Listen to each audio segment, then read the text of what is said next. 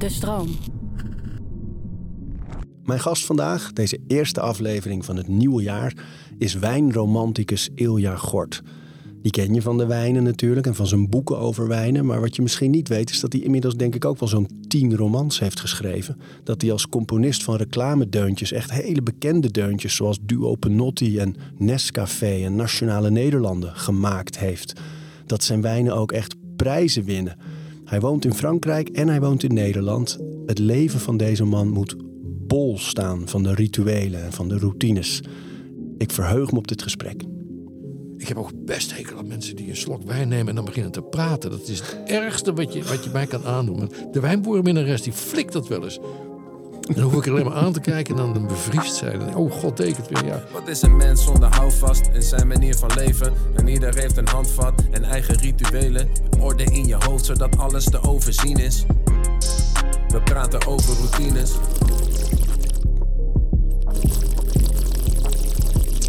Thuis worden ze gek nu. Oh, wat geslurp. Oh, oh, Ja man, echt lekker. oh heerlijk hè. We praten over routines.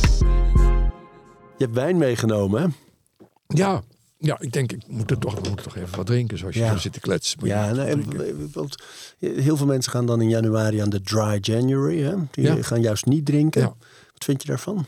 ja, goed, prima. Als je daar er goed bij voelt, moet je dat vooral doen. Dat, eh, dat is prima. Heb je dat ooit in je periode, in je Nee, leven, nee, ik doe het periode nooit. niet gedaan? Nee, nee, nee. Ik denk, eh, nou, nou, ik zou, laat ik maar voor het gemak maar zeggen, elke dag wijn. Maar omdat ik elke dag wijn drink, drink ik maar heel weinig. Ja, ja. Dus eh, twee glasjes, daar hou ik het dan bij. En dat bevalt goed, moet ik zeggen.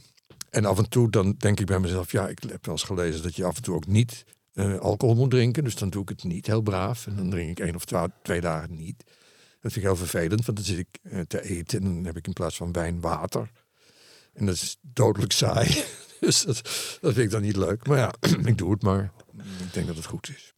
Kies je bij het eten de wijnen bij de gerechten? S ochtends om negen uur al. Echt? Ja, Hoe dan gaat word ik dat? wakker en dan denk ik, vanavond wil ik dat of dat drinken. En, en voor mij komt het eten of de wijn altijd op de eerste plaats. En, en wat we eten, tussen ons gezegd en gezwegen, maakt, maakt niks uit. Dus, dus, De eh, wijn bepaalt de ja, koers. Oh ja, ja, ja. En ik drink ook gewoon wijn bij, bij ja, wat ik drink de wijn die ik wil drinken. En daar, wat ik erbij eet, maakt me eigenlijk niks uit. Dus ik, ik, dat zeg ik nooit hoor. En ik schrijf ook, ik schrijf- ik heb samen met mijn eh, vrouw eh, Carolien, de wijnboerenminnares, een kookboek geschreven. En daar doe ik dan de wijnadviezen. En dan doe ik ook echt, probeer ik volgens het boekje dat heel netjes te doen. En zo. Maar mij maar zelf maakt het geen reet uit. Ik wil gewoon lekkere wijn drinken en daar eet ik dan wat bij. Dat, dat is En wat is je, je afweging in de ochtend als je al aan een bepaalde wijn denkt? Dat weet ik eigenlijk niet. Soms heb ik gewoon trek. Denk, oh, zo'n Sauvignon Blanc, zo lekker met dit, met die mineralige smaak en dat hele fruit. Daar heb ik trek in. Dat ga ik doen. Dan kan het best zijn dat het in de loop van de dag weer verandert. Maar ja, dat, dat heb je dan soms niet elke dag. Maar soms heb ik dat wel van, oh, vandaag een mooie Pinot Noir. Een beetje Gevrey Chambertin of zo. Niet te oud, niet te jong, zoiets. Ja, lekker man. Zijn het de muzen?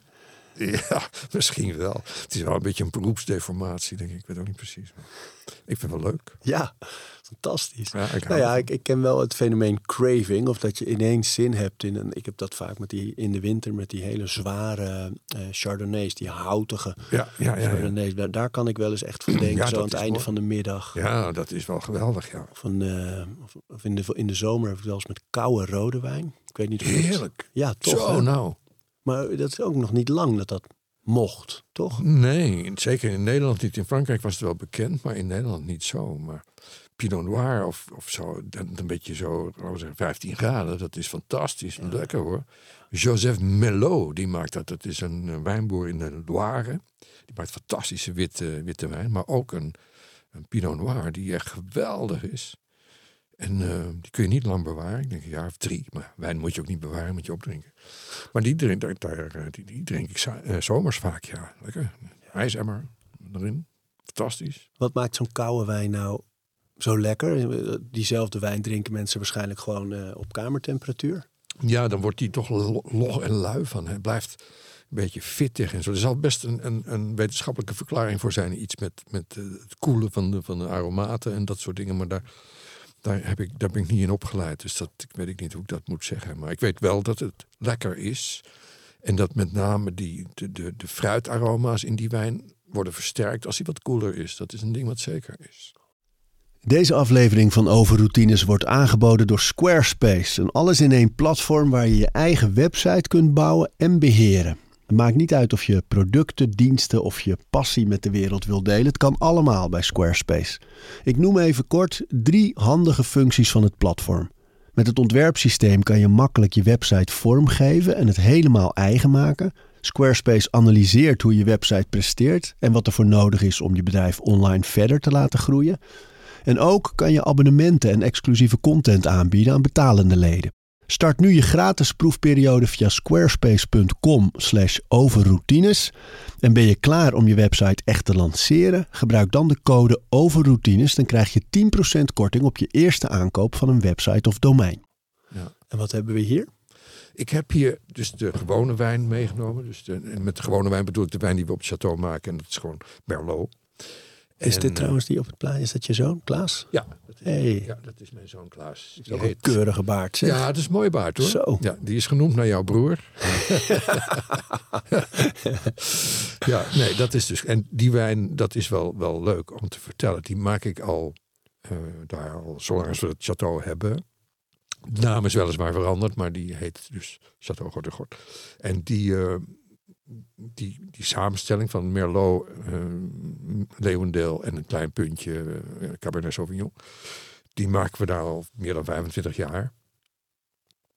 En die wordt wel steeds beter, omdat we steeds meer in de vingers krijgen hoe het werkt. We krijgen steeds betere winemakers. Ik gebruik nooit Engelse woorden, het moet in het Frans is het oenologue, moet ik eigenlijk zeggen. Oenologue, en dat is een, een universitaire opleiding in Frankrijk waarin je leert hoe je wijn moet maken. Dat is echt een hele grote kunst.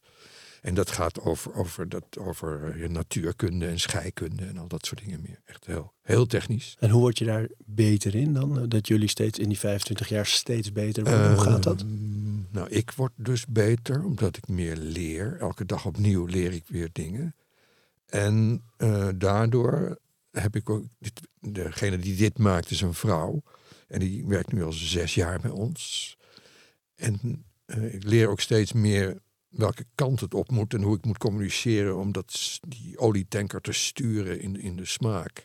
We zijn begonnen met een soort noodgreep. Dat was een Australische winemaker die eh, heel erg stuurde op, eh, op smaak en op rijpheid van de druiven. Maar we hadden toen in de wijngaard, toen ik het pas had gekocht, heel veel werk te doen. Dus er was weinig van te zeggen. Maar hij, erg, hij was erg voor hout. Hij was een houtfan. En ik ben absoluut geen houtfan. dus dat was wel, gaf wel een frictie. Maar goed, we hadden dat hout nodig om te maskeren dat die wijn eigenlijk niet te hachelen was. dus dat was toen nodig. En toen eh, kregen we steeds grotere verschillen van inzicht. En toen ben ik overgeschakeld eigenlijk weer uit commerciële motieven op een, een wijnmaker uit Saint-Emilion. eh, die heel beroemd is, Michel Roland. En die, eh, waarvan ik dacht, van, nou die man die is zo beroemd, die wil nooit onze wijn maken. Maar die had gezien dat wij ook wel publicitair sterk waren. Dus dat vond hij dan wel heel leuk. Ik nou oké, vooruit. Maar die man die was zo beroemd, die kwam dan de wijn maken. Die kwam die met een, Mercedes, een zilvergrijze Mercedes. En die wachtte met draaiende motor terwijl hij langs de vaten liep om, om, de, om de wijnen te keuren. En zijn instructies te geven aan de mensen in de wijnkelder. Dus Maar dat kon die dus wel. Dus aan de hand van het ja, proeven kon hij wel ja, die olietanker bijsturen. man. Ja, geweldig. Een hele goede wijnmaker. Maar ja, zo, eh, zo ver van mijn bed eigenlijk. Maar als jij, jij zei net van ik kan nu ook die olietanker bijsturen hier naar links en naar rechts. Ja, zeker. Eh, Kun je daar iets meer over zeggen wat dan, zonder het ambacht prijs te geven natuurlijk, maar waar let je op? Ehm, nou, ik volg meer mijn eigen smaak nu. En ik weet ook hoe ik dat moet verwoorden. En ik weet hoe, voor een deel hoe ik het kan bereiken. En ik heb zes jaar geleden iemand, iemand aangenomen, zo'n vrouw uit, eh, uit eh, het is een Amerikaanse vrouw. Maar die heeft opleiding in Bourgogne gehad. Caroline? Ja, Caroline Shipley. Shipley. En die, die, dat is een Pinot Noir eh, fan, net als ik. En dat, ja, ik denk dat je dat pro- terugproeft in de wijn. Dus zij heeft, zij is heel precies, een enorme nerd. En echt gekmakend werkelijk. Maar fantastisch ook. Ja, hè? ja. Fuck idioot is ja, het mooiste. ja, supergoed, supergoed. Hoe vind je zo iemand? Ehm, ja, dat was eigenlijk een van de eerste successen van, ehm, van mijn zoontje Klaas. Die was toen net... eh, Je noemt hem nog altijd zoontje. ja, ja, ja, ja. Die was toen net in het bedrijf. Tenminste, nog niet in het bedrijf, maar hij werkte bij mij. Ik had hem een aantal malen weggestuurd. Ik had gezegd van ga nou, ga weg. Ik wil niet dat je bij me komt werken. Want ik wil, ik hou te veel van je. Dus je moet weg. Want dan kun je iemand niet aansturen. Nee, dan kun je hem niet op zijn flikker geven. En, en je moet natuurlijk op je flikker hebben als, als jochie zijn. Als je iets wil leren, ja. Ja. En ik kan, hem, ik kan hem niet op zijn flikker geven, want ik vind hem wel te lief. Dus ik had hem weggestuurd, maar hij bleef maar terugkomen. En toen zat hij daar en toen hadden wij toen die afscheid genomen van die Michel Roland. Moest er een nieuwe wijnmaker komen. En ik, had, ik wilde een vrouw, sowieso, 100%. En uh, want die, dat, dat mannetjesgedrag, dat, uh, daar ben ik wel klaar mee. Er moest gewoon een vrouw zijn, die, die, die maakt ook rondere wijnen, dat is altijd goed. Toen hadden we twee vrouwen en de een was een, een beetje een bitchy type, een aanpakker. En de andere was een zachte, lieve, bescheiden, verlegen vrouw. En toen zei ik, ik neem die bitch. We zaten, samen zaten we met, die, met dat, tegen die vrouw aan tafel. En ik zei tegen Klaas, ik zei, nou deze, ik neem die bitch. Dat is tenminste een aanpakker, is een doordouwer. Nee, dat vind ik niet. Ik neem die, we, moeten die zachte nemen. En toen heb ik gezegd uh, van, ja, nou ja, god, uh, jij moet met haar werk, ze zit, in, uh, ze zit in hetzelfde kantoortje, zeg maar. Jij moet met, tegen haar aankijken, jij moet met haar werken, want je moet, jij bent op de werkvloer. Dus jij moet het doen. We gaan, besef wat je zegt, hè? we gaan jouw ding doen nu. Ik wil die andere, maar als jij zegt dat we die doen, dan doen we de jouwe. Dus dat vond, wil je dan nog steeds? dat vond hij heel spannend. Ja, dat wil ik nog de steeds. druk was hoog. en toen heeft hij het gedaan. En toen uh, heb ik echt, uh, ja, verdient hij eeuwige roem mee. Want het is een fantastische manoeuvre geweest. Ja. Want die vrouw is echt uh, geweldig. Die heeft die wijn echt een hele stoot opwaarts gegeven. Die is echt een heel stuk beter geworden. Nog beter, want het was al een, je hebt al ja, prijzen mee gewonnen, toch? Het was goed, zeker. Maar het is nu nog meer, ja, dankzij die Pinot Noir benadering. En, en minder hout en meer in balans en, en meer openstaan voor, voor dingen. Ja, echt heel goed. En dat, hè, want minder hout, wat, wat betekent dat eigenlijk precies in het maakproces? Um, dat wil zeggen dat, dat, die, dat hout, dat is nou eenmaal traditioneel is dat zo gegroeid al een paar eeuwen, dat wijn moet hout hebben. Die dat door de rijping in dat hout bouwen die tannines een beetje af. Je krijgt ook nog een keer die, die bepaalde zoetstoffen uit het hout die zich vermengen met de aromaten van de wijn. En dat, heeft, dat levert een hele mooie wijn op. Dat vindt bijna iedereen lekker. Maar is dat het hout van het vat waar het in zit? Ja. Ah. ja. En uh, dat is eikenhout. En dat wordt dan getoost aan de binnenkant. Dan kun je op verschillende gradaties toosten. Dus licht, medium, heavy en nog een paar dingen ertussenin. En dat geeft een bepaalde smaak. Maar het wordt ook gebruikt om bepaalde defecten in de wijn te maskeren. Dat hout. Want dan, dan denk je, nou lekker, smaakt goed, mooi, stevige wijn. Maar dat hout overheerst dan eigenlijk de, de basissmaken van de wijn. En dan, daar ga je wat mij betreft de mist in. En soms is het ook bijvoorbeeld die Grand Cru uit, uit de andere kant van de rivier. Uit Haute-Médoc. Uh, ja, die, hebben, die zijn zwaar hout ge, gelagerd. En veel ook hout gedomineerd. En dat, ik zeg dan altijd, ja, ik, ik zit een blik houtbijts van Zeta Bever uh, op te zuipen. Het is wat ik net zei, dat ik op zo'n wintermiddag naar een houtige Chardonnay, dat is eigenlijk precies de... Ik laat me foppen eigenlijk door de te nou, sterke smaak. Nou, dat, zo is het toch ook weer niet. Zo oh. makkelijk is het niet. Ik vind het soms ook wel lekker. Dan is het ook echt, dan proef je die laag hout erop. Terwijl het eigenlijk het moet versmolten zijn. Hè? Je moet het eigenlijk niet proeven, dat is het mooiste. Uh, maar Chardonnay en ook Meursault met name hebben ja, van oorsprong veel hout. En dat is ja, die kunnen dat wel goed hebben. Het is wel een goede combi en wel heel erg lekker. Ik vind het ook heel erg lekker. Maar hout is een, een, een, een bekend uh, veroorzaker van uh, hoofdpijn ook. Je, als je dus een paar glazen wijn drinkt en je hebt de volgende dag een houten kop. Dan komt dat meestal door de tannines uit het hout. Niet zozeer van de alcohol of tannines in de wijn, maar de tannines uit het hout die, dat, die de boosdoener zijn daar. Dus dat is ook, als je een wijn drinkt die helemaal geen houtrijping heeft, heb je de kans is veel kleiner dat je dan pijn in je kop krijgt de volgende ochtend. Ja. Ik dacht dat het altijd ook met de kwaliteit, dus goedkoop of goed. Oh, zeker ook. ook. Ja, nou en of. Ja. En de toevoeging, de toevoeging van sulfiet speelt daar een rol in natuurlijk. Dus dat, dat, dat zeker. Maar tannines is eigenlijk wel eh, de boosdoener. Ja, en natuurlijk alcohol. Maar dat, dat gaat pas spelen als je meer dan, dan nou ja, wat je, dat is voor iedereen verschillend. Ja. Voor de een een fles, voor de ander vier glazen of drie glazen. Maar ja, dan gaat dat natuurlijk die alcohol ook een rol spelen. Maar overwegend, als je bij normaal menselijk gebruik, met een paar glazen wijn, is het eh, het hout waar je last van eh, hebt. Ja. Het maakt de wijn zwaar en log. We praten al een tijdje via deze mooie fles. Ja, Wat is het? Ah, nou, dit, dit is dus de Chateau Gort en Gort, de Merlot. Dit is de 218. En, en ik heb meegenomen, dat is wel, vind ik, wil ik wel graag even vertellen. Dat is onze verboden wijn. En dat is een, een, eh, een, een soort van experiment van mij. Ik heb, Pinot Noir is een druivensoort die is verboden in, eh, in eh, Bordeaux. Die mag je niet aanplanten. Nee, Ze hebben daar maar zes druivensoorten die je mag aanplanten. dat mag in die hele streek gewoon niet. Nee. Van, omdat het dan...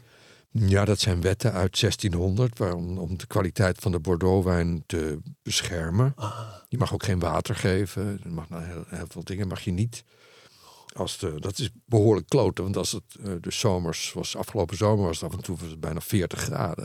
En dan zie je die planten staan eh, met die blaadjes allemaal slap. Dan denk je, oh god, het gaat allemaal dood, de hele bende gaat dood. En dan wil je daar eigenlijk de slang op zetten. Maar dat is dus verboden, dat mag niet. En ehm, daar is om, ja, een van de redenen is dus de, de kwaliteitsbescherming van de, van de Bordeaux. Maar ook eh, druivenrassen zijn verboden en de Pinot Noir is verboden. En ik vind de Pinot Noir een fantastische druif. Dus ik heb een jaar of zes geleden gezegd van wij gaan Pinot Noir planten op een geheim stukje wijngaard. En dat hebben we gerooid en hebben Pinot Noir geplant en iedereen was tegen. Dat vind ik altijd leuk als mensen tegen zijn en denken, ha, het is op het goede pad. Zit op het goede weg. Ja, we zijn goed bezig. Wordt niks met die muziek. Nee. Nee. Dus, dus toen heb ik dat gedaan. En dat, eh, ze hadden gelijk, dat werd ook niks. Het eerste jaar, het tweede jaar ook niet. En, maar na vier jaar kwam daar toch eh, druifjes af die eigenlijk verdomd lekker waren. En dan hebben we dus deze wijn gemaakt. En die blijkt dus hartstikke lekker te wezen. Echt wel. Dus, Dus dat is verboden wijn. Ja, dat is de verboden wijn. En we hebben maar heel weinig van, een paar duizend flessen. Maar eh, ja, het is echt superleuk. En het grappige is dat ik, we hebben op het château doen we wel eens eh, rondleidingen voor mensen. En dan laten we die wijnen proeven. En dan, dan drinken mensen deze wijn. En dan zeggen ze, nou, geweldig, lekker en fijn, prima.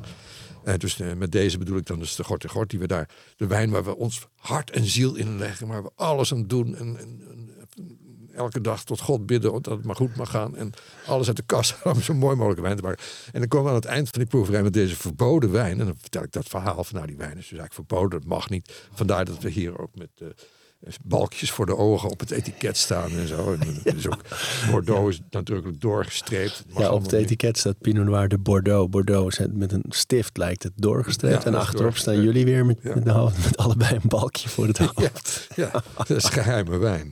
Nou, en dan vertel ik dat en dan laat ik dat proeven. En dan zitten al die mensen er bijna, nou, bijna allemaal. Die zeggen dan, eh, ja, oh, hm, nou, eh, ja, ik wil eigenlijk wel een paar flesjes meenemen. Nou, welk wil je dan? Ja, dan wil ik die verboden wijn wel meenemen. Maar hallo, waarom dan niet onze chateauwijn? Dat is toch maar... Jawel, ik- eigenlijk durf ze dat niet te zeggen. We vinden die eigenlijk wel heel lekker. En ik weet dan niet of het nou komt omdat het verboden is. Het verhaal. hè, Het verhaal. Of dat ze het nou echt... Maar hij is wel toegankelijker dan... dan kom, we maken hem Ja, open. Genoeg geluld. Jij hebt een mooie Opinel eh, daarvoor. Ja, zeker. Die is heel handig, want dan kun je dit heel netjes mee... eh, De capsule heel netjes mee eh, afkutten. Dat heet de en- capsule. Het, eh, dat, ja, de capsule, ja. Wat om de fles heen zit, over Ja. de kurk En heen. er zit een handig kurkentrekkertje in, waarmee je dan de kurk weer eruit kan trekken. En eh, nou, dat vind ik wel wat. Jij bent zo'n oersterke man. Ik kan dat wel. eh, nou, dat is wel wat voor jou. geef mij de fles om hem open te Ja. maken. Is daar nog iets? Dat, moet je dat langzaam doen? Of? Ja, dat vind ik wel. Dat is een soort omgekeerde ontmaagding. Dus dat moet je met, met gevoel. met gevoel doen. Ja, mooi. Dat klonk goed, zeg. Oh, ik stoot meteen een glas om. Ja, dat klonk goed. Zo. We zijn een beetje kleine glaasjes, maar Ja, ja, ja, we hebben de glaasjes van de stroom hier. Proefglaasjes. oh, mooi kleurtje. Ja. Leuk zeg. Verboden wijn. Verboden wijn. Nou, Op het zo- verboden Oh, pad. wacht even, die, die, die Ja. klonk niet. Ja, Beter? Klein, maar je hoort het wel. Santé. Daar let je dus ook op. Ja, dat is belangrijk. Ja, waarom? Omdat eh, het glas moet goed klinken, vind ik. Dit klinkt niet goed. Maar dit is maar Omdat het te een- klein is. Ja, een klein glaasje. En hoe maken we hem beter? Door hem lager te pakken en Dat zou er- kunnen schelen. Wacht even, dat doe ik ook. We pakken hem nu allebei bij de voet.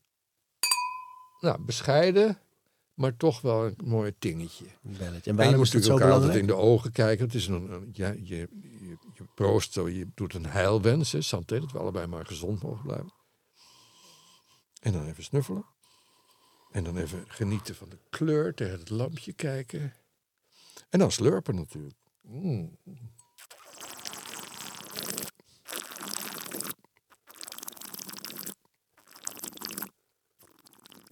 Dat ga ik ook doen. Hmm.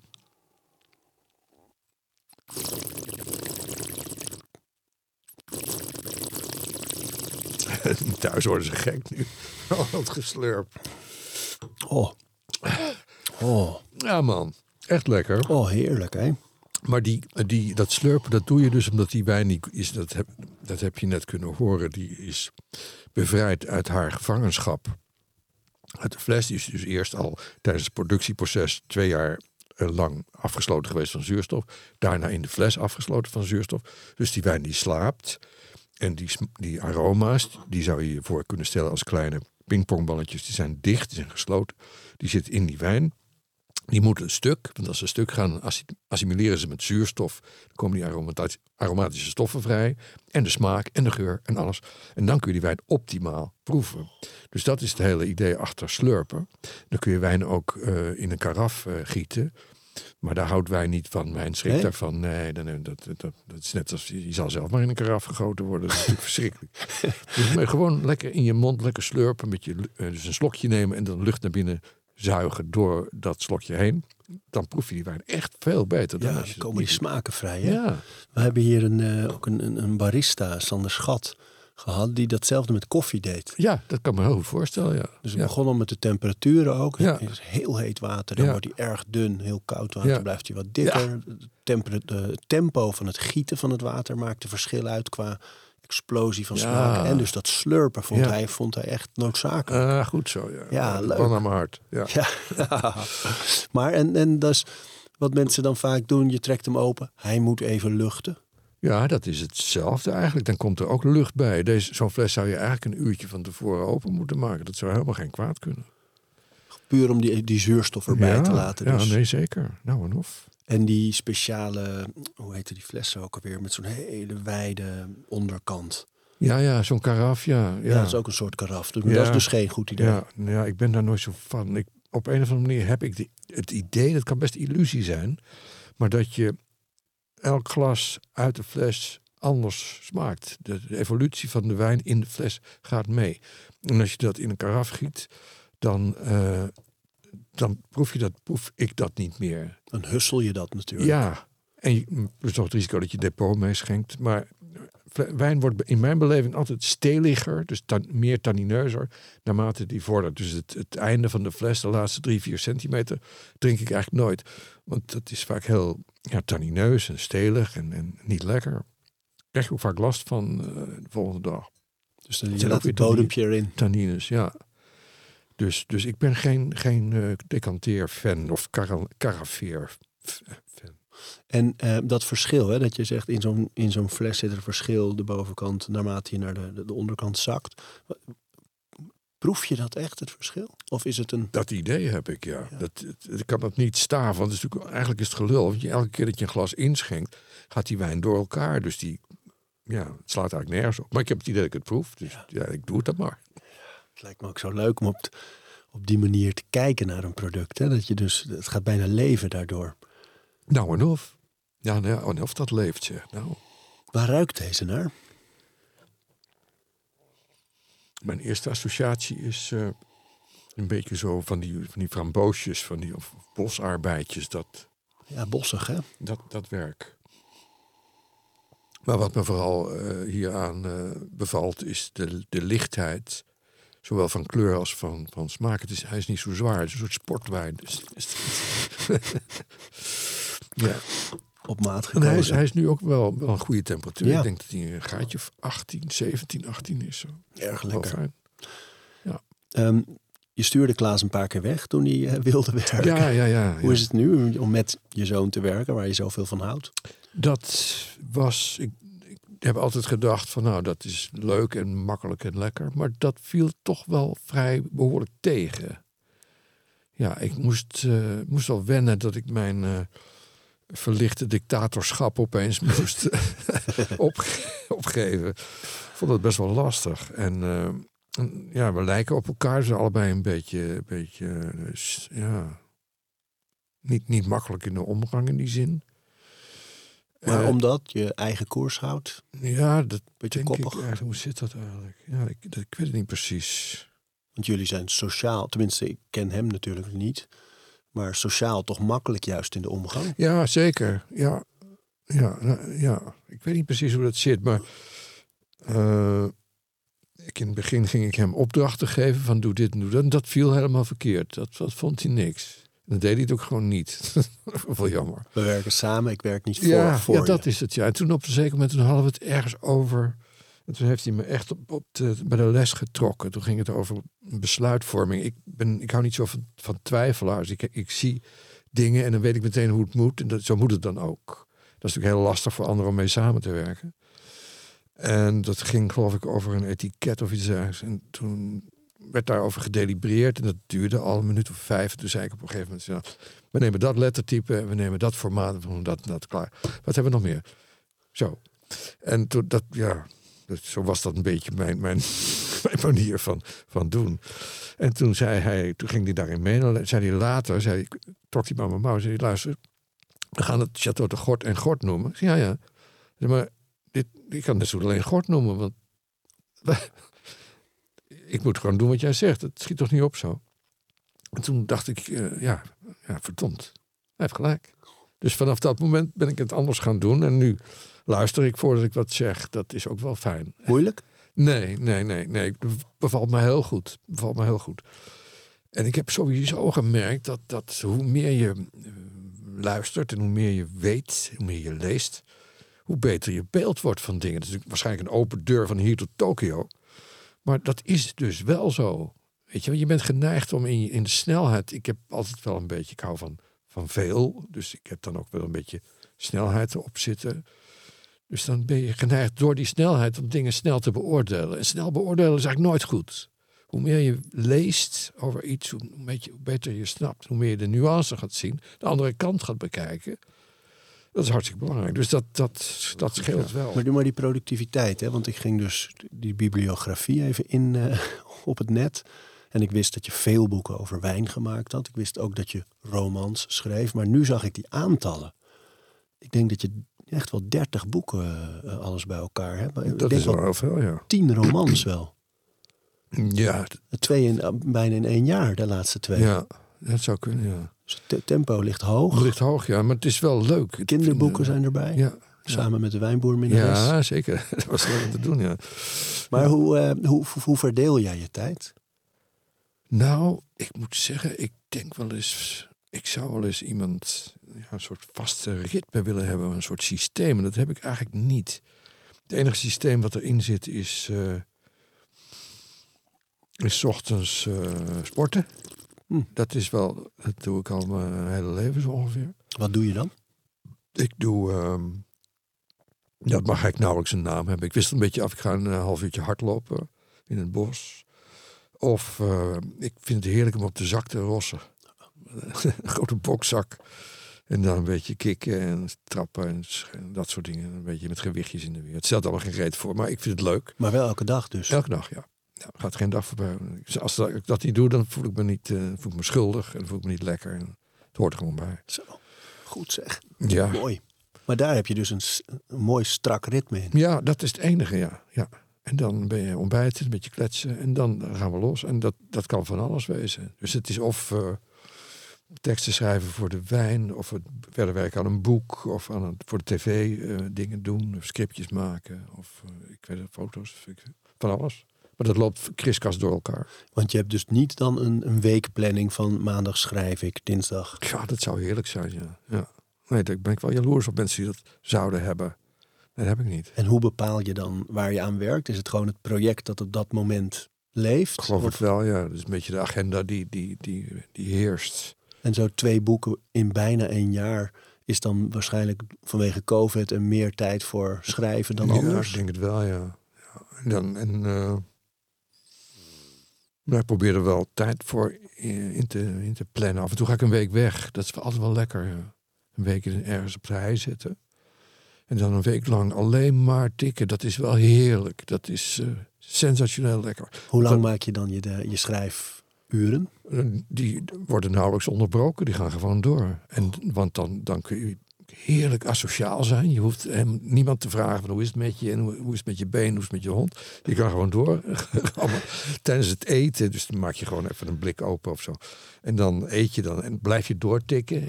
Neem het laptop mee naar bed. En dan slapen en dan wakker worden. Denk hé, hey, dat moet er ook in. Tik, tik, tik, tik, tik. In de nacht? Ja, ja, dat is heerlijk man. Je zit echt, dan zit je in zo'n flow. Dan, dan snap je ook dingen veel beter. En je personage snap je beter. En je zit helemaal in dat ding, weet je. Alles wat je dan ziet, pas je ook toe op dat boek. Dan zit je er ergens even op een terras en dan zie je een vent lopen. En denk hé, hey, die neus. Dat heeft mijn man, dat moet mijn man hebben. Dan denk je vlug die neus of zo, dat is hartstikke leuk. Maar ja, dat, dat, dat eh, ik zou dat eigenlijk eh, heel graag wat meer willen doen. Maar wijn maken is ook hartstikke leuk. Televisie maken is natuurlijk fantastisch, dat weet je ook. Dus dat, dat is... eh, Ja, het is een mooie dynamiek. ja, Ja. leuk. En, en het, het be, bekruisbestuift elkaar ook. Ja. Dus dat is ook... Ik maak voor de, voor de televisieprogramma's... maak ik allerlei dingen mee. Die, maak, dat schrijf ik op. Die- Oeh, dat is grappig. Die moeten we hebben. Die man moet erin.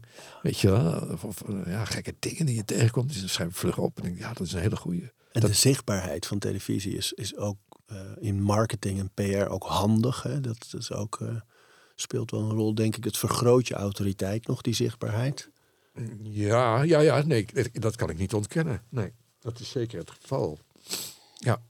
Maar en de verdeling, dus dan heb je het schrijfwerk is, is substantieel. Ja. En hoe verdeel je de dagen als het over wijn maken gaat? Want je bent niet altijd in Frankrijk. Nee, ik ben eh, iets van 70% van mijn tijd daar in Frankrijk en de rest dan in Nederland. Vers- eh, verspreid, dus dan is een weekje, een paar weekjes. En eh, ja, televisie maken, dat wordt toch weer door de, door de agenda bepaald. Dus we plannen van tevoren de opnamedagen en de productiedagen. Als het eh, dus na afloop, de postproductie, de muziek maken. En Want die muziek maak je zelf, hè? ja, voor een deel. En voor een deel zoeken we dat uit. En teksten inspreken, teksten schrijven. Dus dat, dat wordt allemaal door de agenda bepaald eigenlijk. En wijn maken, dat, dat gebeurt als ik daar ben. En dan maak ik alles mee wat daar gebeurt. Dat vind ik wel heel fijn. En daar door die wijngaard te lopen en een beetje aan die trossen te voelen. En een beetje mee te snoeien, druiven plukken. Met de oogst is natuurlijk fantastisch. Dat is echt superleuk. Heel fysiek eh, werk. Hè. En dan ben je ook echt met, sta die druiven in je handen. Je staat echt met je knieën in de, in de wijn. Dat is echt fantastisch. Dus dat vind ik heerlijk. Wat is daar eh, eigenlijk de techniek? Dus ik, ik, zie ik heb dat alleen in films gezien. Eh, dat de, de mensen echt in zo'n groot, ja, een soort bad lijkt het wel vaak. Een enorme put zonder bodem. Ja. Of tenminste wel met een bodem, maar Ja. die gaat niet diep. En daar liggen al die drijven in. En met blote voeten staan ze die helemaal... Ja, ja dat- dat... Dat, gebeurt bijna niet meer. Ze doen, in Portugal doen ze dat nog wel, maar dat gebeurt bijna niet meer. Wij, wij hebben de, een, de, ehm, de filosofie dat je druiven eigenlijk met rust moet laten. Dus die druiven worden geplukt en die worden er niet geperst. Die gaan gewoon in een, in een grote cuve, in een roestvrij stalen tank. En door hun eigen gewicht persen ze zichzelf heel rustig uit. Dat is, dat is het hele idee. En dat laten we gewoon lekker zijn gang gaan. Doen we helemaal niks aan. Zo lekker een beetje die temperatuur regelen. Dat wel. Om te vertragen. Of eventueel te versnellen wat nodig is. Dus door koelen of verwarmen. En pas na een week of drie. Dan gaan we dat eh, sap eruit laten lopen. En dat sap is eigenlijk ongeschonden. Dat komt helemaal zonder kracht komt dat tot stand. En dan gaan we die, de, de druivenesten eruit halen. En die gaan we persen. Maar dat houden we apart. Dan worden kleine hoeveelheden daarvan worden gebruikt voor de, voor de wijn. Maar zeker niet alles en zeker niet veel. Nee, dat is, dat om de wijn een beetje pit te geven. En bewaarpotentieel en kleur. Maar het sap moet echt, ja, moet je met rust laten. Gewoon. Dan, moet je, dan moet je liefde geven. Dat is belangrijk. Hoe ben je eigenlijk ooit eh, op dit spoor gekomen van de wijn? Nu ben jij, nou, denk wel, het meest bekende wijngezicht in ons land. Dankzij de muziek. Dat kun je eigenlijk rustig zeggen. Ik, ben, ik was drummer in een band. En uh, dat werd een, een rock, uh, rockband, eigenlijk altijd geweest. En uh, ja, dat was hard, hard rock, hard rock leven. Dus dat betekent drugs en drank en lekkere wijven. Alleen die lekkere wijven, dat, dat, wist ik niet hoe ik dat moest doen. Dus die, die had ik niet. En de drank, daar had ik al heel gauw van door. Dat dat heel slecht voor je was. Dus daar ben ik mee gestopt. Alleen de drugs nog. ja, dat heb ik wel vrij lang volgehouden. Ja. Maar die drank, ik, ik heb op, op ergens op mijn twintigste of zo... dronk ik een glas wijn. En dat vond ik mijn partij lekker, zeg. Weet je, weet je nog welke het was? Ja, Beaujolais Primeur. Ja? Ik drink het nooit meer. Niet te hachelen. Maar toen vond ik het fantastisch. Ik vond het zoveel lekkerder dan al het andere wat ik ooit had gedronken. Ik vond het fantastisch. Maar was het echt je allereerste wijn? Ja, ja, ja. ja. Dus je komt helemaal niet uit een, uit een hoek van wijn. Oh, er no geen ouders die wijn dronken? Niet, nee, maar ik dronk dat. Ik vond het helemaal te gek. En toen ben ik meteen ben ik er vol ingestort. En ik stort me eigenlijk overal het vol in. Dus toen ook. En toen ging ik daar boeken over lezen. En grote dikke boeken. En, en alles wat ik maar mijn hand op kon leggen van wijn wilde ik hebben. En ja, toen van Lieverlee gaat dat als een soort balletje in een pinballmachine, mooi van links naar rechts geschoten. En je hebt een vaag het idee als mens dat je aan het roer staat van je eigen bestemming. Dat is natuurlijk helemaal niet zo. Je rolt maar van de ene idioterie in de andere. En dat dus ook. Op een moment hadden we een huisje in de Bourgogne. Ik denk, dan ben ik al aardig lekker dicht bij de wijn. Maar dat bleek heel eind van de wijn. En toen kregen we ook nog eens lelijke buren daar. En toen dacht ik, weet nou is het klaar. Nou koop ik een wijnkastel. ik had geen idee hoe je dat moest maken. Maar ik heb het gewoon gedaan. En, uh... Maar dat moet je ook kunnen. Ja, ik kon het ook helemaal niet. Maar ik dacht van, dat kan nooit moeilijk wezen. Als, als iedereen het doet, dan kan ik het ook. Dus laat maar gaan doen. En heb je dat dan helemaal jezelf aangeleerd? Ja, nou, we hadden hele goede mensen toen. Ik heb een hele goede bedrijfsleider. En, en goede, goede mensen in de wijngaard, goede wijnmakers. En dan ga je heel langzaam ga je daar tegenaan bemoeien. En daar heb ik wel baat gehad, omdat die wijn die we daar in de eerste instantie maakten, dat was Bordeaux-style Bordeaux, koekopen Bordeaux. En dat is heel tannineus en buitengewoon niet commercieel. Mensen willen dat niet, zeker niet in Nederland. Dus daar bleven we mee zitten het eerste jaar. En dat was een behoorlijke kostenpost. Dan heb je dus een soort kelder waar dan 80.000 flessen met stof liggen te verzamelen. Elke avond in bed denk je, god leren, hoe kom ik hier ooit van die meuk af? Nou? En, nou, dat hebben we gered door de, door de rosé. Oh. Toen zijn we rosé gaan maken daar. En, en dat was ook een uitvinding eigenlijk van mij. Uh, dat rosé wordt gebruikt als afvalproduct om de rest van de. wordt, uh, tijdens de vinificatie wordt er een deel van het sap laten ze weglopen. Dat is nog maar net een beetje roze gekleurd. Om de resterende wijn meer kracht te geven. En. Uh, dus ik, ik zag dat gebeuren. Ik denk, ik heb het krijgen van nou. Dus ik zei tegen die vent, dat moeten we opvangen in een fles stoppen. Dan gaan we verkopen. Ik ben een Nederlander. Dus, dus dat hebben we gedaan. En, en dat is ook weer zo'n moment dat je op het goede, mo goede moment komt op de juiste plek. Dus we hadden die rosé en dat was net in die tijd was rosé helemaal uit. Niemand dronk meer rosé. Dus ik kwam toen bij Albert Heijn met een fles rosé. Toen zei die man, die inkoper, die zei, wat is dat joh? Rosé? Ja, dat wil niemand. Niemand drinkt meer rosé. Precies, daarom moeten we dat gaan doen. Dus zei oh, dat is wel een gekke manier van ernaar kijken. Ik zei, ja, dat moeten we doen man, dat is hartstikke lekker spul. En toen, toen, ja, toen zijn we dat gaan doen. En dat, dat verkocht als een tierenlier. Dat ging hartstikke goed. En, en uh, daarmee, die, die wijnmakers, ik had dus een Franse wijnmaker en een Australische wijnmaker, die zeiden allebei van nou, we moeten zus en zo moeten we dat doen. En ik proefde het. Ik zei, nee, dat is niet goed. We moeten, hij moet wat zoeter. Zij zeiden toen van nee, dan wordt het veel te zoet. Kan wel wezen, maar daar houden Hollanders van. Maak het zoet. Ga het doen en spreek mij niet tegen. Dus dan krijg je weer de verlichte dictatuur. Ja. En maar dat, wel eh, omdat er een hele duidelijke koers was, ja, een visie. Natuurlijk, ik, ik ben de Nederlander. Ik, ik ken de smaak. Ik heb mijn eigen smaak. Ik ken de smaak van de mensen hier. Dus ik weet wat het is. En die Fransen die hadden, zeker toen... Ja, die dachten echt van, nou, wij zijn de, rulers of the world. Wij, wij weten hoe, hoe je wijn moet maken. We weten de Hollander nou van wijn.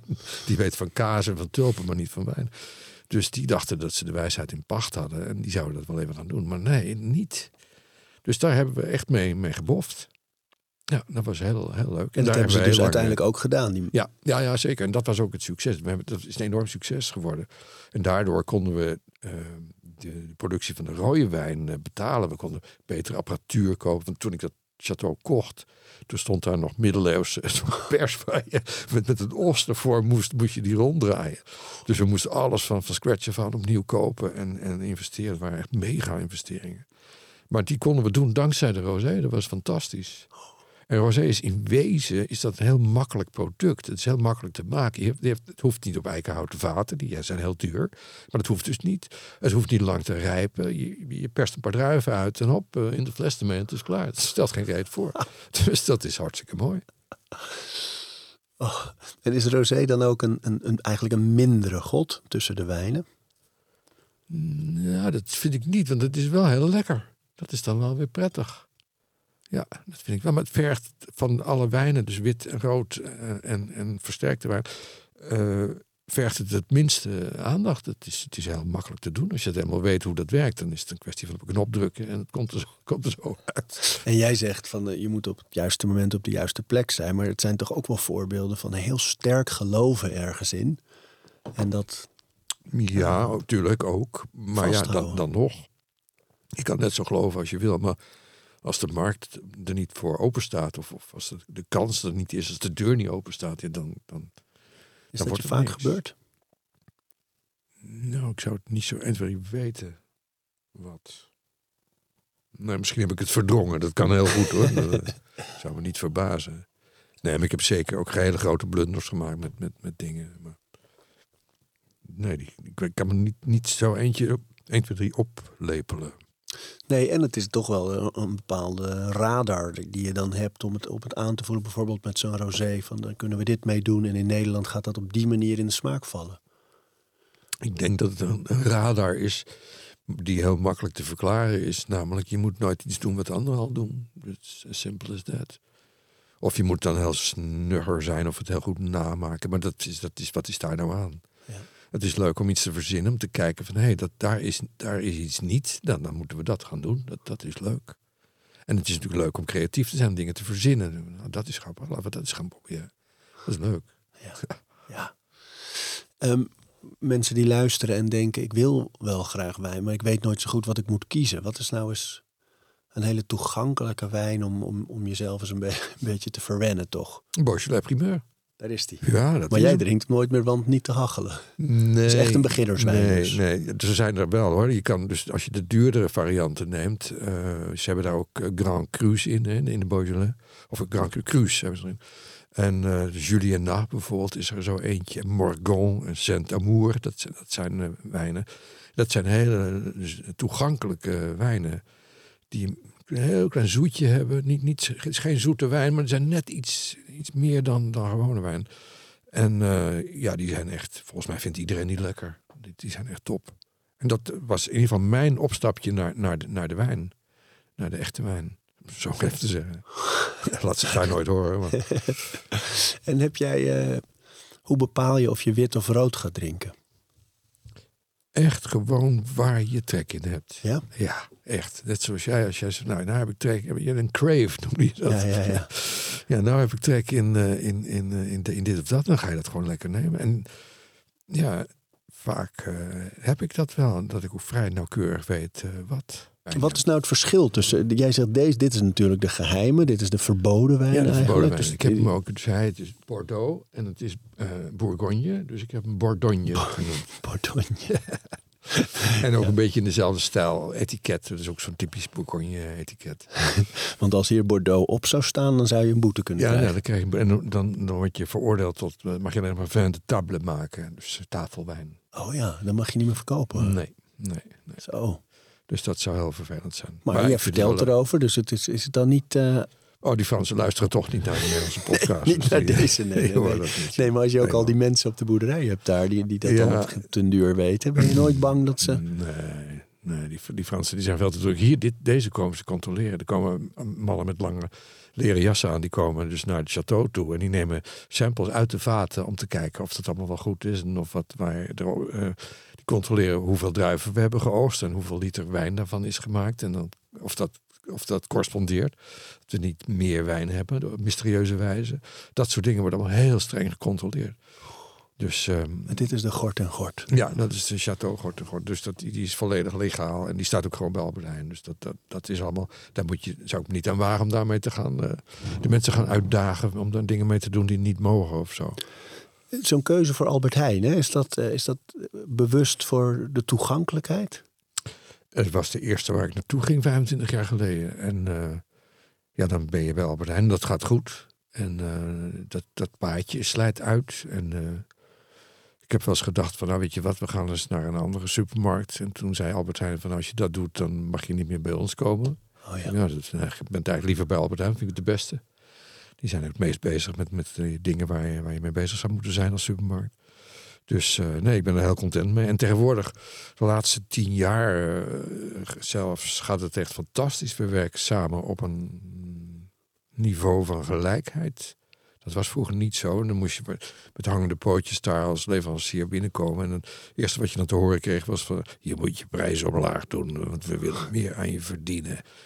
En eh, dat was een beetje de teneur. Maar tegenwoordig wordt, de prijs wordt dan in samenhang met Albert Heijn wordt bepaald. Van nou, wij hebben zoveel en we willen zoveel. En wat jullie verkopen het voor zoveel, nou, bla bla bla. En dan, dan, dat gaat heel vriendschappelijk. Dus dat, de messen zijn van tafel en het gaat hartstikke goed. Als je zo vertelt, en je hebt dus op, op meerdere momenten in je leven ben je zo bij mensen die autoriteit kunt noemen, aangeklopt met iets waarin jij geloofde. Eh, Is, is, is dat nog steeds mogelijk? Denk je dat dat nu mensen die nu beginnen met dingen, dat het nog steeds die manier is? Ik ga aankloppen, ik ga aandienen, ik wil dat dit er komt en ik moet bij jou zijn om dat klaar te spelen. Zeker. Ja? Ja, daar twijfel ik geen seconde aan. nee, dat kan zo. Je kan, iedereen met een goed idee kan overal naar binnen. Want elke bedrijf staat open voor goede ideeën. Er is niemand, zeker- zeker in deze tijd niet, die, die nee zegt tegen een goed idee. Altijd. Altijd. Je moet alleen wel weten wie je moet hebben. Natuurlijk dat je niet wordt weggerommeld. Kloppen ze bij jou veel aan, de mensen met ideeën ook, zodat ze denken van met jou moeten we samenwerken, want jij kan dingen klaarspelen? Ja, ja, best wel. Hoe ga je daarmee om? Ehm, mensen die, laten we zeggen, de indruk wekken eh, psychisch in orde te zijn, die, die, die geef ik wel antwoord. maar er zijn er ook heel veel mensen die, ja, dat denk ik, ja, moet ik daar nou weer- vijf minuten besteden naar een mail aan te, aan te wijden? Nee, dat, sorry, dat gaat me echt te ver, heb ik te druk voor. En Dus dat zijn dan mensen die zeggen van ja, ik, eh, ik maak mijn eigen pindakaas. Ik zou het heel fijn vinden als, als u dat voor mij bij Albert Heijn zou willen introduceren. Ja, nou, doe, doe dat zelf. Daar ben ik niet voor. Maar ja, mensen met een leuk idee. Er zijn ook heel veel mensen die hebben. Ik heb een leuk idee over een wijnkurk. En dat is helemaal nieuw en dat is geweldig. Gaat alle andere wijnkurken over, overbodig maken. Dan zeg ik, nou, dat klinkt, klinkt interessant. Hoe ga je het doen? Ja, dat zeg ik niet, want anders gaat u het doen. Ja, dan moet je me ook niet, mailen. Waarom mail je dan? Ja. Ja, nee, dat, dat schiet niet op. Maar ja, af en toe is er iemand die heeft een ideetje. En die, dan ga je daarmee mee, eh, praten. En hoe ga jij om met ehm, het afbakenen van je tijd? Als, het, als, als je zo gemaild wordt en er zullen ongetwijfeld allerlei verzoeken ook voortdurend komen voor van alles. Ja, veel nee zeggen. Hoe, eh, vind je Ja. dat moeilijk? Ja. ja, vind ik wel lastig. Ja.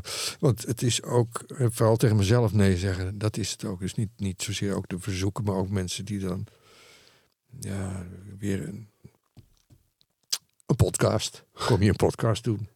Dat, dat doe ik dan niet.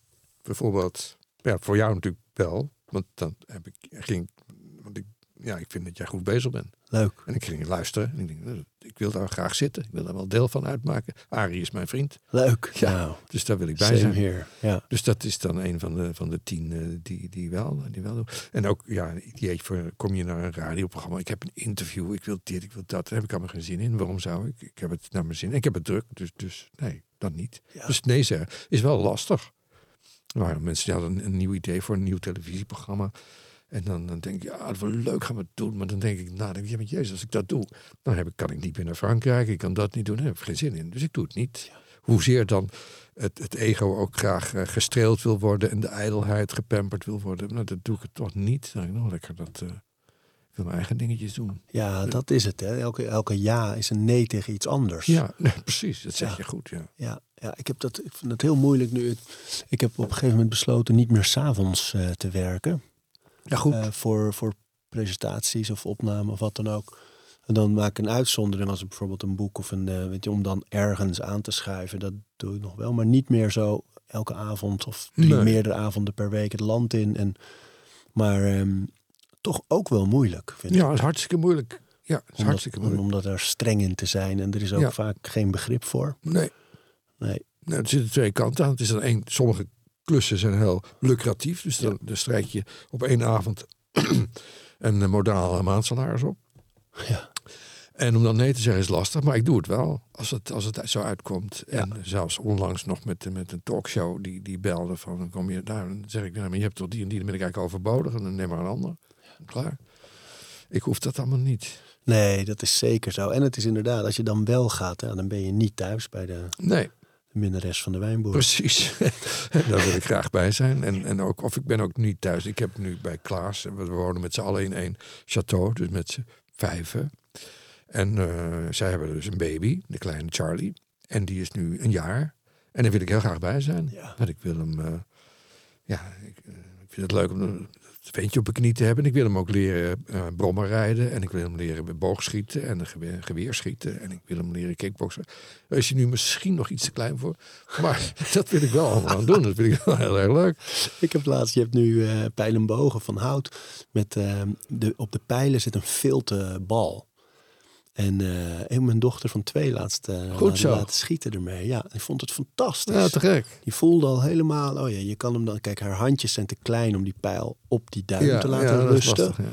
Dus dat moest dan mijn duim zijn. Dat was Ja, een beetje oh zo omheen. Maar ze wist al wel, oh ja, en als je dan loslaat, dan gaat hij. Ja, Ze ging juichen toen hij door de lucht zweefde. superleuk, Zo superleuk. leuk. mooie dingen. Ja joh, met zo'n klein kind. Maar het is, dat is het, hè? Is het een gevoel van doorgeven, denk ik. Hè? Dat is het. Het enige wat. Kijk, eh, ik las laatst iemand die zei van wij zijn niet anders dan een rimpeling in een hele grote vijver. En onze enige taak op aarde is om aardig te zijn. Aarde, het woord zegt het al, aardig zijn. Dat is je enige taak in het leven. Vriendelijk zijn. Nou ja, en daartussendoor moet je een beetje wijn zuipen en lachen en een potje neuken. Maar, maar, de enige het echte- adagium. ja, precies. Maar de enige taak is gewoon aardig zijn. Er is niet meer. Want wij zullen allemaal vergeten worden. Weet je, je kan dan zeggen, ja, maar ik schrijf boeken of ik ben op de... Allemaal gelul, over tien jaar kent niemand je meer. Als je, na je dood dan, hè. ja. Dan is dat gewoon voorbij. Maar als je aardig bent tegen mensen, zoveel mogelijk mensen moet je aardig tegen zijn. Dat is lang niet altijd makkelijk. Want de wereld bestaat voor een groot deel uit klootzakken. Maar ook daar moet je aardig tegen zijn. Het, hoe moeilijk dat soms ook is, je moet dat blijven proberen. Ja, Het is niet anders. mooi. Ik kan geloof anders het van ook. geloof het ook. Tja. En juist ook als je ge- even geen behoefte hebt. Of even de afgunst voelt of wat dan ook. Om dan toch aardig te zijn. Ja. Dat is zo'n goede oefening. Nou en of. Ja, dat, is, dat is soms heel lastig. Ja. Want dan word je uitgedaagd. Of, of mensen die, die, die doen lelijk tegen je. Of die schelden je uit. Of whatever. En dan is het lastig om, om dat te nuanceren. Maar toch moet dat. Ja. Toch is, dat is de kracht. Dat moet je blijven doen. Het heeft natuurlijk geen enkele zin om hem terug lelijk te doen. Dan Nee, het het wordt alleen maar erger. hoger. Ja. Ja. dat schiet niet op. Dus, dus dat, ja. Zullen we deze nog eens een slok proberen? Ik vind dat we dat moeten doen. Maar dan Ja. kun je het verschil een beetje Ja. Dus dat is de tweede wijn. Ja, dat is de Bordeaux Supérieur. Dat een beetje Dat is jullie, eh, jullie vlaggenschip. Ja, dat is beetje. vlaggenschip. Nou, we hebben eigenlijk een ander vlaggenschip.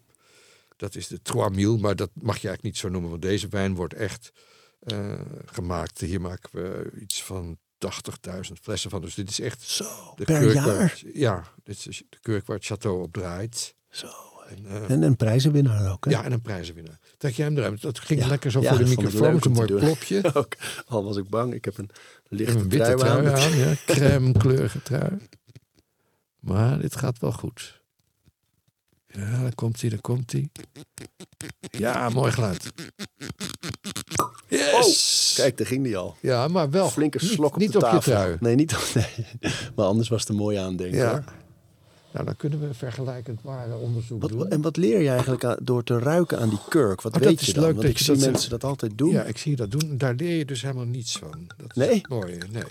dus dat is onzin Ja, eigenlijk. dat is onzin.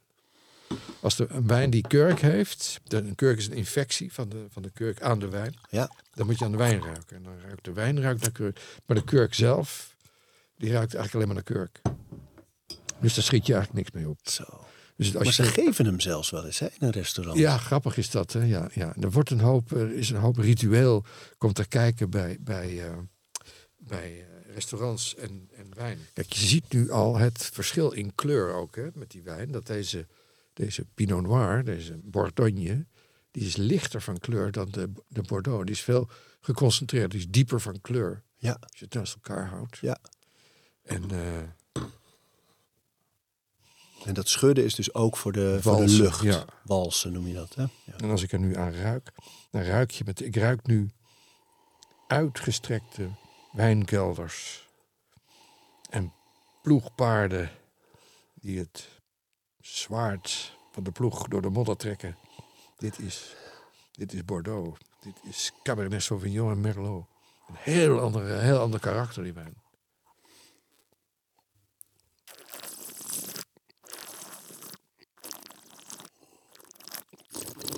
Donker wijn, donker wijn. Oh, heerlijk, hè? Erg lekker, ja. Ja. Ja. Oh, oh, oh. En hij is geconcentreerder dan, dan de Bordeaux. Ja. Langere, langere afdronk, langere nasmaak. Ik hoorde het laatst iemand een reis noemen. De, de wijn maakt een reis door je mond. Dat is eh, niet zo verkeerd. Kun je, kun je, ik bedoel, het is niet jouw, jouw term misschien, maar we- Nee, ik, wat daarmee bedoeld wordt, is, dat, is daar iets van toe te lichten? Je, hebt, je, hebt, eh, je neemt een slokje. Ja, we, we begeven ons nu op, op, op slap gelul-ijs, maar het is, het, toch, het is het wel. Je neemt een slokje en dan proef je, heb je de eerste kennismaking, de eerste kus, zeg maar. En dan gaat die wijn die verspreidt zich door je mond. Die krijgt, gaat ook meer smaaksensoren aantikken. En dan krijg je een beter, dat gaat naar je hersens. Je krijgt een beter beeld van het hele palet, van de samenstelling van, van smaken. En zo langzaam vormt zich een beeld, langzaam dan relatief, dat duurt dan een seconde of tien of zo. Dan krijg je de na, de nasmaak, de afdronk. Dus al met al. Ik heb ook best hekel aan mensen die een slok wijn nemen en dan beginnen te praten. Dat is het ergste wat je, wat je mij kan aandoen. De wijnboerenminnares die flikt dat wel eens. Dan hoef ik er alleen maar aan te kijken en dan, bevriest zij. Dan, oh god, deed ik het weer. Ja. Dus dan neemt ze een slok. Ik ga dat dus nu voordoen met water. Neem je een slok, hè. Dus dan ga je dus walsen en ruiken. Neem een slok en zo. Mm. Afijn, hij zegt tegen mij dat... Hou op! Zit god voor de... Acht seizoenen werk zit erin zo'n wijn. Vier seizoenen lang moet je die wijn door weer en wind loodsen. En een vieze beestjes eruit jagen. Zorgen dat hij blijft leven. Dan moet je hem oosten. Dan gaat hij nog eens een keer een jaar lang in een, in een vat. En, alles nog wat. en dan neem je een slok en dan slik je hem door zonder te proeven. Oh, nou, het is echt, echt verschrikkelijk. En Ik dat- heb eh, Steven beloofd, mijn collega, die Ja. eh, eh, al maanden op aandrong om jou uit te nodigen. Aha, goed Want hij- zo. eigenlijk van het begin af aan. Om wel dan nog even te vragen naar je ervaringen met Ramses Shaffi. oh ja. Heb je mee in de band gespeeld. Ja, ja, ja. Nou of. Ik was eh, vervanger. In, dat was een hele, hele geestige periode. Dat, ehm, ehm, ik had in een rockband gespeeld, echt jarenlang. En verschillende rockbands. Maar eentje die heette After Tea. Dat was een hele populaire band. En wij, wij speelden echt eh, op grote festivals, grote dingen. En ik was toen de hardste drummer van Nederland. Dus niet zozeer de beste drummer van Nederland, was de hardste drummer van Nederland. Ik droeg ook eh, racehandschoentjes tegen de blaren. En ik sloeg mijn stokken aan flarden en mijn bekkens aan scheuren en alles. Hard moest het zijn, hard. Dat, ehm, dat was ook nodig, want die jongens die speelden met een, eh, met een Marshall Torrens. Dus het waren twee keer 800 watt eh, versterkers op elkaar. En ik zat ertussenin. En ik was niet versterkt. Dus ik moest er bovenuit. En ik wilde er bovenuit. En dus ik sloeg hard. En toen ging dat, eh, toen ging dat uit elkaar en ik zat zonder baan. En ik, dat was allemaal, ik zat in een hele moeilijke periode. Ik was er met een getrouwde vrouw van door en ik woonde in een omgekeerde kartonnen doos ergens achter het Centraal Station. Dat was allemaal verschrikkelijk. En ik had geen geld. En toen kreeg een baantje als invaldrummer bij Ramses Shaffi. Dat vond ik verschrikkelijk. Die Ramses Shaffi, wat is dat voor gelul? Moi, bij zo'n bij zo'n- bij zo'n lulartiest. En, en, maar ja, ik had geld nodig. Maar lulartiest vanwege het type muziek. Ja, cabaret, dat kan niks wezen. Wij waren, wij waren toen van de hard rock. En dan, dan is alles wat niet hard rock is, Ja. per definitie, is, is niks. Zo, wordt, zo werd daar gedacht. dus toen ging ik met hem eh, spelen. En toen moest ik opeens eh, zacht spelen. Dat vond ik sowieso al belachelijk. Maar ja, ik moest wel. Maar toen eh, zag ik hem en ik ontmoette hem. En ik vond hem te gek.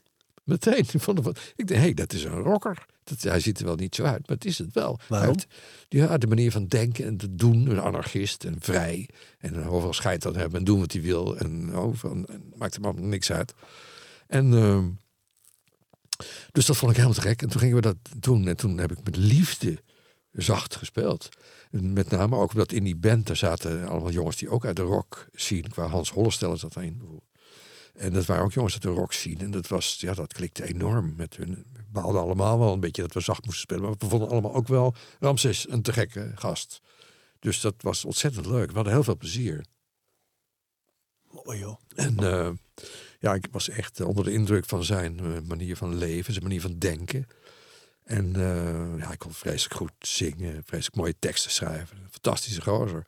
En die manier van denken, hè? Wat, heb je daar voorbeelden van?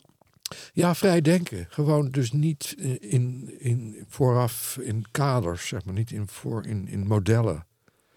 Dat je dus van, oh, dat is eh, dat, dus dan zal het wel zus wezen. Maar dat je dingen vrij laten en gewoon eens kijken, wat zie ik eigenlijk? Wat gebeurt er eigenlijk? Gewoon kijken en dan, en dan kijken wat je ziet, om maar even met Johan Cruijff te spreken. en dat, dat vond ik wel heel fijn. eh, Volledig eh, anarchist zijn. Ja, dat vond ik wel lekker van hem. Mooi. Ja. Als je zelf, dat was misschien toen nog niet zo, maar misschien met terugwerkende kracht. Als je zelf zo ook van, van het, het mooie van alcohol houdt. Hè, is het dan nog, kijk je dan nog anders naar zo'n leven dat erdoor kapot ging uiteindelijk? Eh, ja, dat, is, dat kun je wel zeggen. Daar heb ik eigenlijk nooit zo bij stilgestaan. Het is, hij zoop wel enorm veel. Ja, dat wel. Ja. Ik weet niet of, of dat nou... Het is maar het vehikel natuurlijk. Hè. Er is altijd iets anders. Maar Mm, ja. ja, hij was natuurlijk wel een... eh, of er zat, hij was wel eens te veel gezegd, maar er zat een kant aan, een hele weemoedige kant, nostalgische kant, verlangen, wat ze in, wat ze in Portugal saudade noemen. oh ja. Een verlangen naar iets wat je zelf eigenlijk ook niet helemaal weet. Dat had hij wel, ja. Die romantiek. En dat, dat, dat tref je veel bij grote schrijvers en schilders. En die allemaal, dan, Van Gogh bijvoorbeeld, die, die dat allemaal de vluchten in, in de drank. Modigliani. Dat is ook Ja, ja, ja le hele legers zijn er aan ten gronde gegaan wat dat betreft. Maar ja, dat, dat is het ding. Dat als je dat niet kan controleren, als je niet kan zeggen, nou, ik drink zo, eh, zoveel, wat die, die malle schrijver, die eh Lebowski, nee, Ja, eh, ja, Lebowski. Ja, Ja. ja. De Amerikaan. ja. Charles Bukowski. Ja, Bukowski. Oh, Lebowski is de is de uitgeverij. uitgever, van. Oscar van Gelder was die. En eh, Bukowski. Charles Bukowski. Ja, Oh man, maar wel wat een kind onder kannibalen. Dat boek over zijn jeugd. Geweldig, Oh. Goeie schrijver. Ja, een mooie poëzie ook. Maar ja, eh, drank en prestatie gaat gewoon per definitie niet samen. Punt. Uit. Dat is, het is niet zo dat daar iets beter van wordt.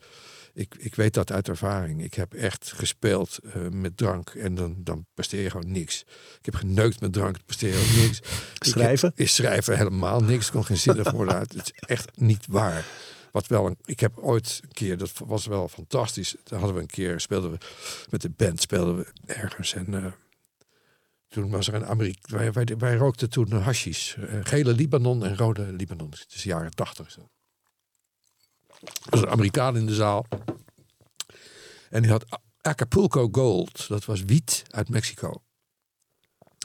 Ik had er nog nooit van gehoord. En hij leerde mij hoe je dat moest roken. Wij, wij, wij rookten dus eh de hash uit een pijpie. Of, of in stukjes gebrokkeld in een sigaretje. En dan werd je dan behoorlijk stoned van. Dat was allemaal prima, niks aan de hand. Maar hij had Acapulco Gold. En hij rolde dat puur in een, in een. En dan nam hij tussen twee lucifershoutjes. En dan moet je zuigen. Eh, dus niet in je mond, maar voor je mond. En dan dat Acapulco Gold er doorheen. Het was voor het optreden. Voordat we moesten spelen. Dus ik denk, nou, het spannend, gaan we doen. Dus ik doe dat een paar keer. Dat was, ik merkte eigenlijk niet zo heel veel daarvan. nou, lekker spul, met je stoned. Ja, nou prima, kom op, we gaan beginnen. Dus ik speelde. En eh, ik speelde goed, jongen. Niet normaal. Wat zo fijn mazig, weet je. Heel, heel fijn, heel fijnzinnig, fijn gevoelig. Dus ik op die bekken stikken. Op een bekken merkte ik opeens, daar zit heel veel ratio in. Er zit, je hebt dus de top van de bekken, de rand klinkt heel anders, het midden klinkt weer anders, de zijkant klinkt op een bekken. Je kan een hele song spelen op een bekken. Dat deed ik ook. Dus ik zat in op de trommels en op de pauk en de tom en de snare, alles. Ik speelde fantastisch. Ik kwam na een half uur achter het drumstel vandaan. Ik sloeg mijn arm om de jongens heen en zei... Jezus, gasten, wat was ik goed, hè? Ze stapten weg en ze keken me aan. Wat, was jij aan het doen? Weet je wel, ik bleek er dus als een soort halve zool alleen maar op de bekken hebben zitten tikken. Terwijl zij stom verbaasd opkeken. Man, doe nou eens wat. Ik deed niks. Oh, die... Dat. Je denkt dat je het geweldig doet. En je bakt er niks van. Dat is, dat is wat, wat doop dus doet. Op zo'n moment. Laat je niks wijsmaken. Dat is echt onzin. Ja, ja man. En Dus als je schrijft, ook niet even een glaasje erbij van Nee, tevoren om niks. taking the edge off. Nee, helemaal niks. Nee. Zelfs geen muziek. Ik heb het wel geprobeerd met muziek, maar dat brengt je in een stemming. En die, die stemming die wil je dan op dat, voor die scène misschien helemaal niet hebben. Dus dat is dan ook weer niet goed. nee, nee, puur natuur is toch wel het beste met alles wat je doet eigenlijk. Dank dat, je, er, dat je hier was Nou en dat ja, je er bent. Dat is leuk man. Ja, Ik vond het vreselijk gezellig. ik ook. Ja, Dank voor je komst. volgens mij hebben we hele verstandige dingen gezegd. Jij wel. We praten over routines. Dankjewel voor het luisteren. En voordat je weer doorgaat naar andere dingen, wil ik je nog even wijzen op Over Inspiratie. Dat is het mailtje dat ik elke donderdag rondstuur met drie tips. Dingen waar ik zelf veel aan gehad heb. Het kunnen producten zijn, artikelen die ik gevonden heb online, onderzoeken, eh, Instagram-accounts, podcasts, boeken, van alles eigenlijk. En ik denk dat je daar zelf ook veel aan kunt hebben. Dus vind je het leuk om dat mailtje elke week te ontvangen? Dan kun je je opgeven op ariboomsma.nl onderaan de pagina. Dan krijg je voortaan elke donderdag in je mailbox over inspiratie.